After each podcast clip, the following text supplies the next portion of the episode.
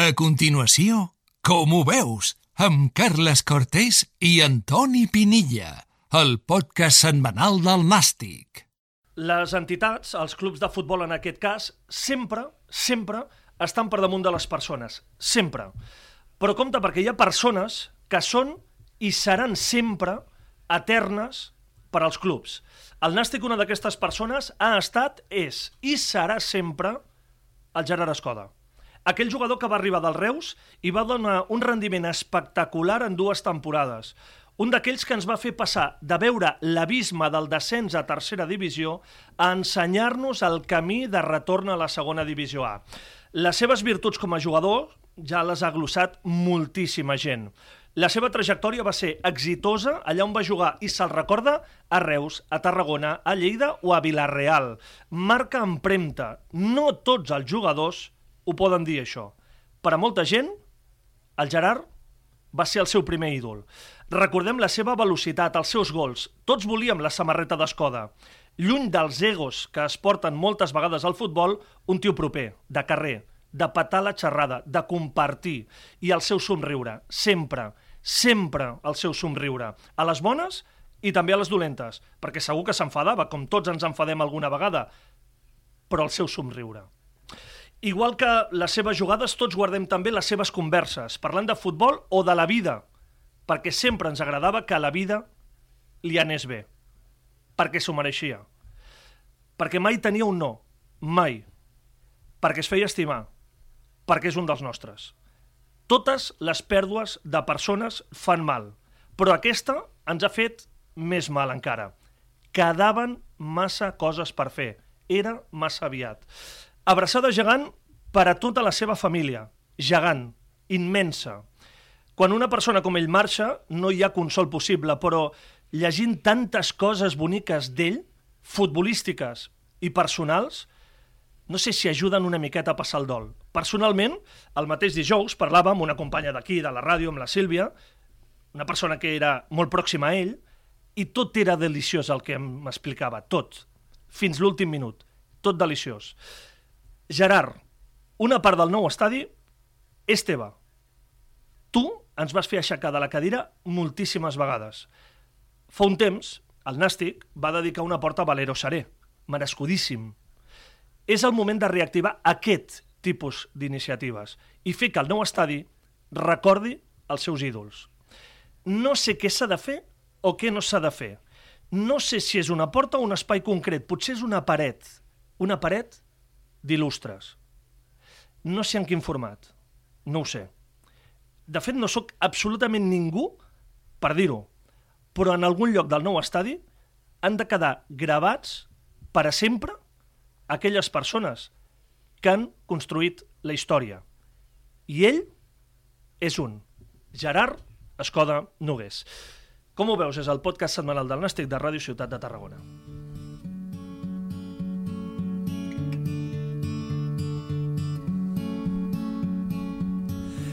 Antoni Pinilla, com estàs? Benvingut. Bueno, bé.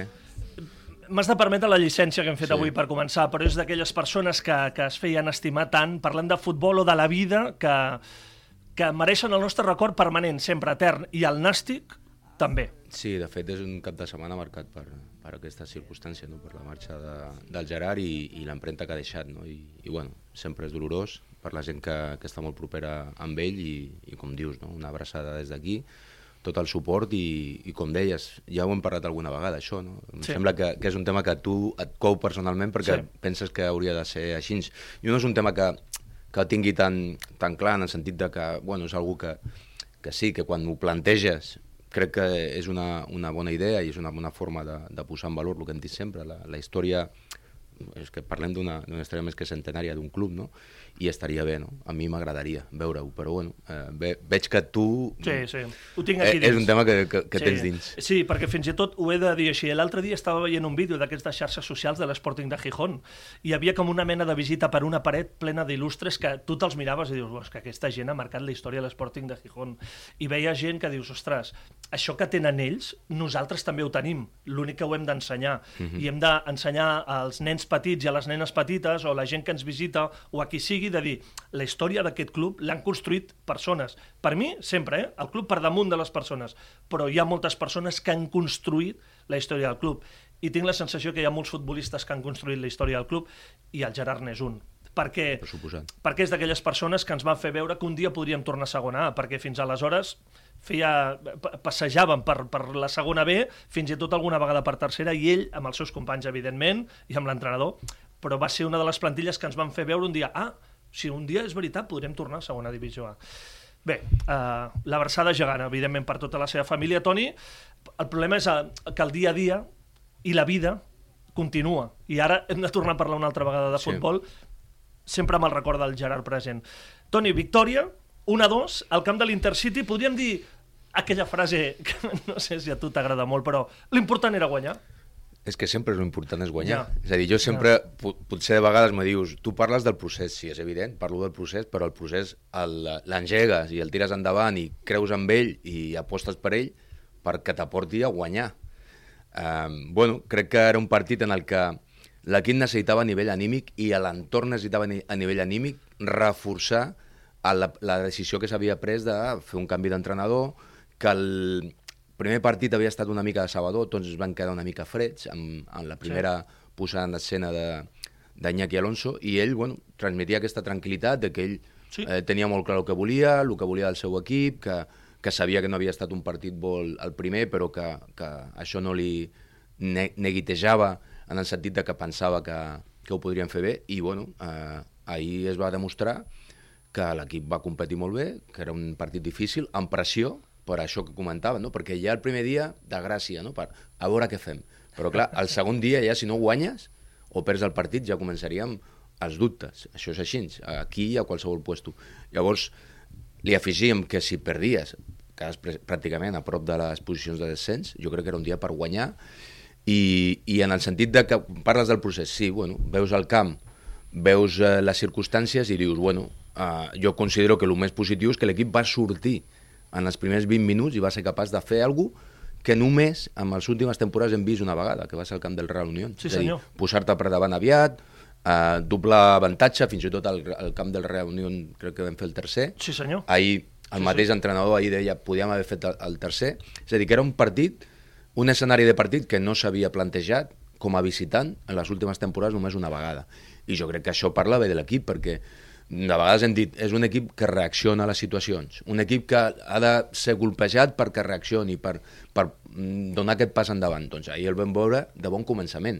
Després, bueno, molta gent, o, o l'anàlisi que fan del partit, bueno, després no va fer res, bueno, però és que has fet molt en, en els Bueno, primers 20 minuts. jo- Do, jo- doblar, jo- jo ahir amb el que sigui, eh, amb, amb, amb molta efectivitat, el, però vas sortir, vas fer 4 o 5 llançaments a porteria, vas aconseguir dos gols, i a partir d'aquí sí que és evident que no va ser un gran partit, però l'equip va fer, eh, va saber, va saber resistir Això. i, i, bueno, i, i defensar un avantatge que era que, bueno, que sempre és perillós, perquè un 0-2 amb un gol, que és el que va passar, pots canviar la dinàmica del partit, tu pots pensar que se te'n va l'avantatge, l'altre equip, i l'equip jo crec que va, va respondre bé. És veritat, perquè jo era un d'aquests que dic, ostres, els altres 70 minuts han estat durs, però el pas de les hores t'obliga a reflexionar sobre el partit i el què. I ara entrarem perquè és important, però recollint tot això que has explicat ja amb la primera resposta, Toni, entenc clarament la imatge fora dels 90 minuts, perquè ahir vam veure una imatge que, quan la vam veure vam dir, caram, què és? Xula l'àrbitre? I veiem una imatge amb tots els jugadors fent una pinya, saltant i votant i celebrant aquesta victòria. I ratifica una mica el que deia just al principi de la confiança, la necessitat de guanyar i la, el ratificar a, a, aquest de dir, ostres, s'ha tornat a guanyar fora casa. Aquesta imatge crec que és molt important. La que vam veure just quan va acabar el partit. De fet, jo tinc la sensació de que, al marge de que avui dia tots els entrenadors a, nivell professional treballen molt el que és la cohesió d'equip, perquè saben que has de tenir un bon grup, ha de funcionar, ha de, ha de saber cadascú quin és el, el seu rol, una mica tot això que, que és cohesió, cohesió de grup i, i treball en equip, eh, a mi em dóna la sensació de que Iñaki Alonso mm, jo crec que aposta molt més per això de lo normal, és a dir, és, és un entrenador que, eh, sobretot venint a mitja temporada, que saps que quan vens a un equip hi ha problemes, si no, no vens, doncs jo crec que ha optat per, per reforçar molt missatges eh, interns i externs pel grup, no? I em dóna la sensació, amb aquesta imatge que tu comentes, de que és una de les coses que té més, més clar a nivell futbolístic és important, és evident, però a nivell anímic d'un, sí. no d'un jugador, sinó de l'equip, aquesta cohesió de grup, que tots vagin a la mateixa, que hi hagi aquest, aquest bon ambient, és a dir, jo segur que està utilitzant moltes dinàmiques de grup, eh, i, i estratègies per intentar que, que, el, que el grup sigui encara més fort, que jo crec que ja era un grup cohesionat, sí, sí, sí. ja ho era, perquè sí. ja ho he dit, també suposo que Raül Andé entenc que treballava això, però jo crec que ha reforçat molt més aquesta vessant i, i imatges com aquesta en reforcen aquesta sensació no? de, que, de que ell aposta per, per aquesta cohesió del grup i, i això és el que fa fort un, un equip. Crec que és important que no passi desapercebuda aquesta darrera imatge, eh? fora del partit, fora dels 90 minuts, és molt important que no passi desapercebuda perquè crec que aquesta gestió d'equip, de grup, d'aquesta cohesió i aquesta manera de celebrar aquesta victòria era una victòria, però no era una victòria qualsevol el que, va veure, el que van veure ahir del Nàstic al camp de l'Intercity. Entrant en futbol, repeteix, Iñaki Alonso repeteix aquest 4-4-2 en romba, amb Aaron Rey a la punta del romba, per darrere Eric Montes, als seus costats eh, fidels eh, Pedro del Campo i Gorostidi, l'únic canvi per unes molèsties de Joan Oriol, o sigui, més enllà del dibuix, més enllà és, insisteix Iñaki Alonso en això. Sí, és una mica el, la, el missatge que transmet. Ja el va transmetre el primer dia, és a dir, que no és un, un entrenador rupturista i trencador quan arriba, sinó que és un entrenador que vol mantenir una base clara, vol, té, té molt clar el que vol, no ens va agradar l'equip jugant amb aquest rombo i, i tinc la sensació de que, de que veurem molt més el que vam veure al final del partit amb el doble pivot, Gorostidi Eric Montes o Gorostidi eh, Montalvo, que no amb aquest rombo. No? En qualsevol cas, li va sortir bé l'aposta, perquè va començar bé, molt bé l'equip, eh, l'únic canvi és l'entrada de Nil per sí. un problema físic del Joan, però l'aposta era la mateixa. Fins i tot amb els dubtes que havia generat ell mateix, amb el, que, que havien comentat sobre la posició de l'Onrei, sobre sí, la seva participació. Veritat, sí, sí. Jo crec que tot això va ser un, un, un incentiu pel propi Aaron Rey per d'entrada al partit eh, mostrar-se molt més o molt més Et dona confiança, diu, ah, va. Bueno, dir, sí, sí, insisteixo, Clar. i a més a més posa sobre la taula aquest debat. El mateix jugador se'l se, fa seu, no? és a dir, ha de participar molt més. Venint del centre, no, no d'una banda, ha de ser un jugador molt més participatiu, que trobat més fàcil, i jo crec que es va veure en el, en el partit d'ahir, no? el començament de partit, ell se va mostrar molt, va ser molt participatiu, després no va tenir aquesta continuïtat per, per, per la pròpia dinàmica del partit i perquè l'equip ja, ja va voler fer una altra cosa, defensar més, però jo crec que aquestes situacions són, són eh, interessants en aquest sentit, no? És a dir, el propi debat que obrim, o que obre sí, sí. el mateix entrenador, no sí, sé sí. si, el, si Aaron Rey és aquest tipus de jugador, que és sí, el que vam sí, dir, que, li, que, que entra més fàcil al, al joc des de banda, sense haver de buscar-se les, les, les garrofes per dintre, que és molt més complicat, i, i bueno, el va posar sobre però ho va repetir. Mm. I bueno, jo crec que va estar bé. El, el tema Gorostidi, no? Mm, jo, jo encara no segueixo veient-lo d'interior, havent de sortir fora i, Clar, i jugant jo... una mica tal, però al final eh, jo crec, interpreto, veient lo que, o sentint el que va dir l'entrenador, interpreto que després va fer un canvi sí, i, sí. i el va posar molt més en paral·lel amb, amb el pivot, ja sigui Montalvo i Eric. Jo crec que aquí ell se troba més còmode. Per això jo crec que al final és el rol que, que interpreta cada jugador per les seves característiques. Eh, a Pedro del Campo li pots donar aquesta llibertat per jugar. Al final, pots jugar amb dos jugadors per davant d'un pivot, però de forma natural el Pedro del Campo anirà a situacions més avançades a, entrar en contacte amb la pilota i jo crec que de forma natural el mateix Gorostidi se'n posicionarà una mica més endarrerit per veure el futbol de cara, que jo crec que és el que deia, que és on, on jo el trobo un jugador molt interessant. Al costat, és a dir, al final, la pròpia dinàmica de l'equip te va portant a, a jugar gairebé amb aquest doble pivot, tot i que de sortida sigui un, un rombo, no? I el, el Gorostidi tendeix a ajuntar-se més amb el amb l'Erin Montes i el normal és que la, la, les característiques del Pedro li facin transitar per, per posicions una mica més avançades. Al final és això. I no has parlat d'un altre nom que és Marc Fernández, que a més a més també es pot adaptar, perquè algunes fases del partit ho veiem, segons, eh, que, que Marc fins i tot pot ser un segon punt amb Guillermo o pot caure a la banda dreta i compartir aquestes tres mitges puntes. Vull dir que la mobilitat de molts jugadors fa que pugui jugar molt, fins i tot durant un partit amb la manera I de, de, jugar. I de fet, no, no, ja, ja avui I, dia... to I torna a demostrar Sí. que tenim un molt bon equip. I de, I de fet, avui dia no pots parlar d'un eh, sistema únic. Sí, a lo millor defenses d'una forma, això. quan t'organitzes, quan, quan fas transicions, tot està preparat en aquest sentit, se treballa molt i pots defensar amb un, amb un, amb un dibuix, atacar amb un altre, quan estàs posicionat i ben organitzat per, perquè t'ataquin, doncs te col·loques d'una forma, i sí és cert, no? la versatilitat de, del Marc te permet jugar com a un segon punta, és a dir, amb un 4-4-2 en rombo, i en el moment en què vulguis fer una, una petita modificació, tirar-lo una mica a banda dreta, te fa una tasca molt bona perquè és aquell perfil que dèiem de, de, del, del Marc Álvarez quan, quan ha jugat no? a banda dreta. És un jugador que no, que no és de banda específic, però que arriba com un davanter des de banda dreta en profunditat, sí. amb desmarcades en profunditat, amb arribades a, la, a, les, a les zones de rematada, algú que millor amb un Robert Simón no li pots demanar de forma tan contínua. Llavors, jo crec que, que és un perfil molt bo, és un bon fitxatge, està fent gols, que és el que li demanes a un jugador com ell, i a part te dona aquesta versatilitat de poder jugar com un punta al costat de Guillermo o eh, amb una banda, ja sigui la dreta o l'esquerra. Que bonic és guanyar. Sí, tot, ens sembla, tot, tot ens sembla molt millor, no? Que bonic és guanyar. Escolta, Antoni, primer partit, aquests dubtes que ens deixava l'equip, ui, eh, ens falta alguna cosa, tal, amb la sensació que va dir prioritat, portaria zero en el primer partit, i després ja sortirà.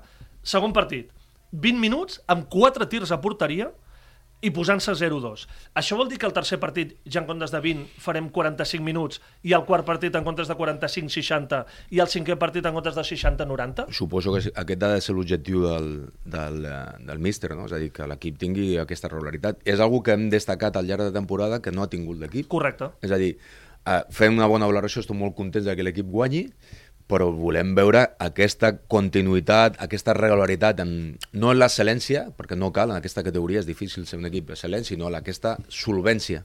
La solvència de ser efectiu quan toca, anar a buscar el partit de començament i després si has de defensar molt de temps, doncs ser capaç de fer-ho, perquè també t'obliga l'equip contrari i la, i la pròpia dinàmica del, del resultat. En qualsevol cas, és el que volem veure, no? Sí. És a dir, que aquests 20-25 minuts d'ahir se converteixen en 45 com a mínim, que veiem, i que l'equip vagi creixent, dir, que tingui una evolució, un procés de... Eh, eh, sempre parlem del procés, no? Doncs el procés de anar, a buscar un equip molt, molt més regular i que sigui capaç de donar bones sensacions, no només eh, 20 o 25 minuts, sinó al llarg de tot un partit. Fent el que calgui en cada moment del partit. És a dir, quan toca defensar i quan toca ser més creatiu o més, més arriscat o més agossarat per anar a buscar la porteria contrària.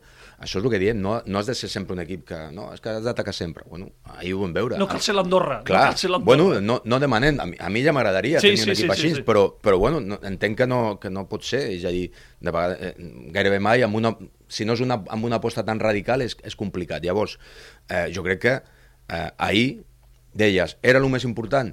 Doncs, eh, evidentment, volíem veure una millora a l'equip. Sí. La vam veure. Correcte. Sobretot d'intenció. És a dir, poques vegades ha sortit l'equip fent quatre xuts als primers 20, 20 minuts i, i aconseguint dos gols. A partir d'aquí, doncs, la situació és la que era, tens davant, davant un bon equip, el camp és el que era, no, no, no dona per massa floritures, i l'equip va fer el que, el que tocava i ho va fer en solvència perquè al final va defensar aquest avantatge. Així que, com dient, no? és a dir, no sempre has de ser aquest equip que nosaltres demanem agossarat, de vegades has de fer d'altres coses. Aquesta versatilitat que, que diem sempre d'un equip. És a dir, sí, hi ha propostes radicals, com la de l'Andorra, però també hi ha propostes molt, molt radicals també en el contrari. Sí. En, en ser massa, potser, eh, conservador. Llavors jo crec que s'ha de trobar l'equilibri, no? Quan toca, i en segons quines situacions, com el partit d'ahir, que era un partit molt important que havies de guanyar, doncs l'equip va arriscar al principi, és a dir, va sortir per guanyar el partit. Sí, senyor. Després, és el que diem, toca defensar, doncs ho va fer bé. Sí. Aquesta temporada, precisament, és algo que, de lo que l'equip li ha mancat, no? És a dir, eh, saber eh, defensar la seva àrea amb un equip que li, que li apretés. Dues coses.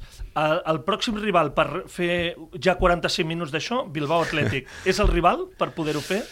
Bueno, no hi ha... És a dir, sembla un tòpic, no? Però aquí penses Ja, que ja. guanyaràs També és fàcilment en aquesta categoria. És a dir, és un filial, són jugadors de molta qualitat, és un equip acostumat a, a, a competir i, bueno, sí, està en una mala ratxa, però aquesta última jornada ha guanyat. Bueno, no hi ha un rival que tu puguis triar per dir, bueno, és aquest. No, no hi ha masses diferències i, bueno, vam veure que l'Eti Balears va guanyar si no estàs al 100%, Eh, I I, ahí- I és un equip que està en descens. I el Baleares no va saber guanyar a un equip... No, no el Numancia Ah. era? Eh, O ara no me'n recordo. Nucia, diria. Eh, Contra nou. Sí, sí. Contra nou. De fet, és, és aquesta categoria. Per això no, no entenc que, que puguem interpretar que el partit de l'Atlètic Club de Bilbao sigui un partit adient per fer això. Jo crec que és el que toca i, i, Perfecte. i per això és el d'adient. Si fos el Múrcia, o fos el Castelló, o fos l'Eldense, jo crec que pensaria el mateix. És a dir, que és un partit difícil i que toca que l'equip faci aquesta passa endavant. I veurem si ho fa o no. Una altra cosa bona, de cara als aficionats de l'Nàstic, mireu-vos molt la classificació avui, perquè estem a 3 de la promoció d'ascens, i així tancarem, però veure'ns allà també reforça. Sí, sí, sí, és evident, perquè si l'equip no, no parlo de guanyar, si hagués empatat, estaries en una situació més mirant cap a baix que no cap a dalt. Sí, no? senyor. Llavors, jo crec que estem en, en aquella fase de la temporada la que es defineix. És a dir, estem jornada 21, de la 21 a la 30, eh, veurem on, on està l'equip. Ja s'haurà de definir, sempre dient que, no, que estàs allà, que dos partits t'aporten en un costat o en un altre, mira cap a baix o mira cap a dalt, però jo crec que, clar, aquestes 10 jornades, diria, et col·loquen en posició d'anar a buscar les posicions de dalt o ficar-te allà. Ser primer fins i tot. Per què no? Sí, eh, per què no? Jo, jo ho trobo molt difícil. Per Sí, què? sí, és veritat, Perquè eh? dius, 9, pun- 9 punts són assumibles, és evident. O 7 contra el Castelló, que són els que van davant, a l'Aldense i el Castelló tan, estan a 9 i 7 punts. Sí. Però clar, has de fer una tirada de, de punts molt llarga, una, una tirada de partits sense, amb resultats molt importants. Sabeu que hi ha molts empats, si, si fas dos, dos resultats estàs allà, però el difícil és sostindre això, és a dir, sí, amb dos partits t'hi fiques, ja, ja, però quan, el més difícil és tornar a guanyar. Clar, dos partits que guanyis, el tercer encara és més difícil. Aquell caus Clar. i ja t'han tornat a agafar un avantatge. 9 punts són molts en aquesta categoria, en qualsevol, però en aquesta categoria més, perquè has de treure'ls sí, en aquest cas 7 al Castelló, 9 a l'Aldense, que són bons equips, estan bé, i tu has de fer una tirada de punts de, de partits amb, amb victòries, perquè els empats no, no, no, no, no et deixen avançar massa, una, una tirada d'aquelles de, de fer quatre victòries seguides, i això Val. és molt difícil en aquesta categoria. Val, doncs no t'ho tornaré a preguntar fins la jornada 30. Ah, jo, crec, jo miraria més amb una perspectiva realista a les posicions de playoff. Si a la jornada 30 estàs a, a playoff i a 4 punts o a 5 del primer, per què no? Vale. Que és, és plausible això. Vale. Però clar, pensar ara, no, hem de quedar primers, jo crec que no és... Vale. eh, És, és posar-se un objectiu no massa assumible, que sí, que és possible, però no realista. Pas a pas. pas, a pas. Diria jo que sí. Toni, dilluns vinent més com ho veus i, i a veure si seguim amb aquest somriure de l'alegria, de la victòria, tot i un cap de setmana dur i trist per la pèrdua del Gerard. Espero que sigui així. Gràcies, Toni. Eh, ja sabeu, diumenge a les 5, Nàstic, Bilbao Atlètic en directe a Ràdio Ciutat de Tarragona. Abans divendres, l'Avant Nàstic, amb l'Eric Rosique. Tonight you look so pretty, yes you do. Times Square can shine as bright as you. I swear it's true.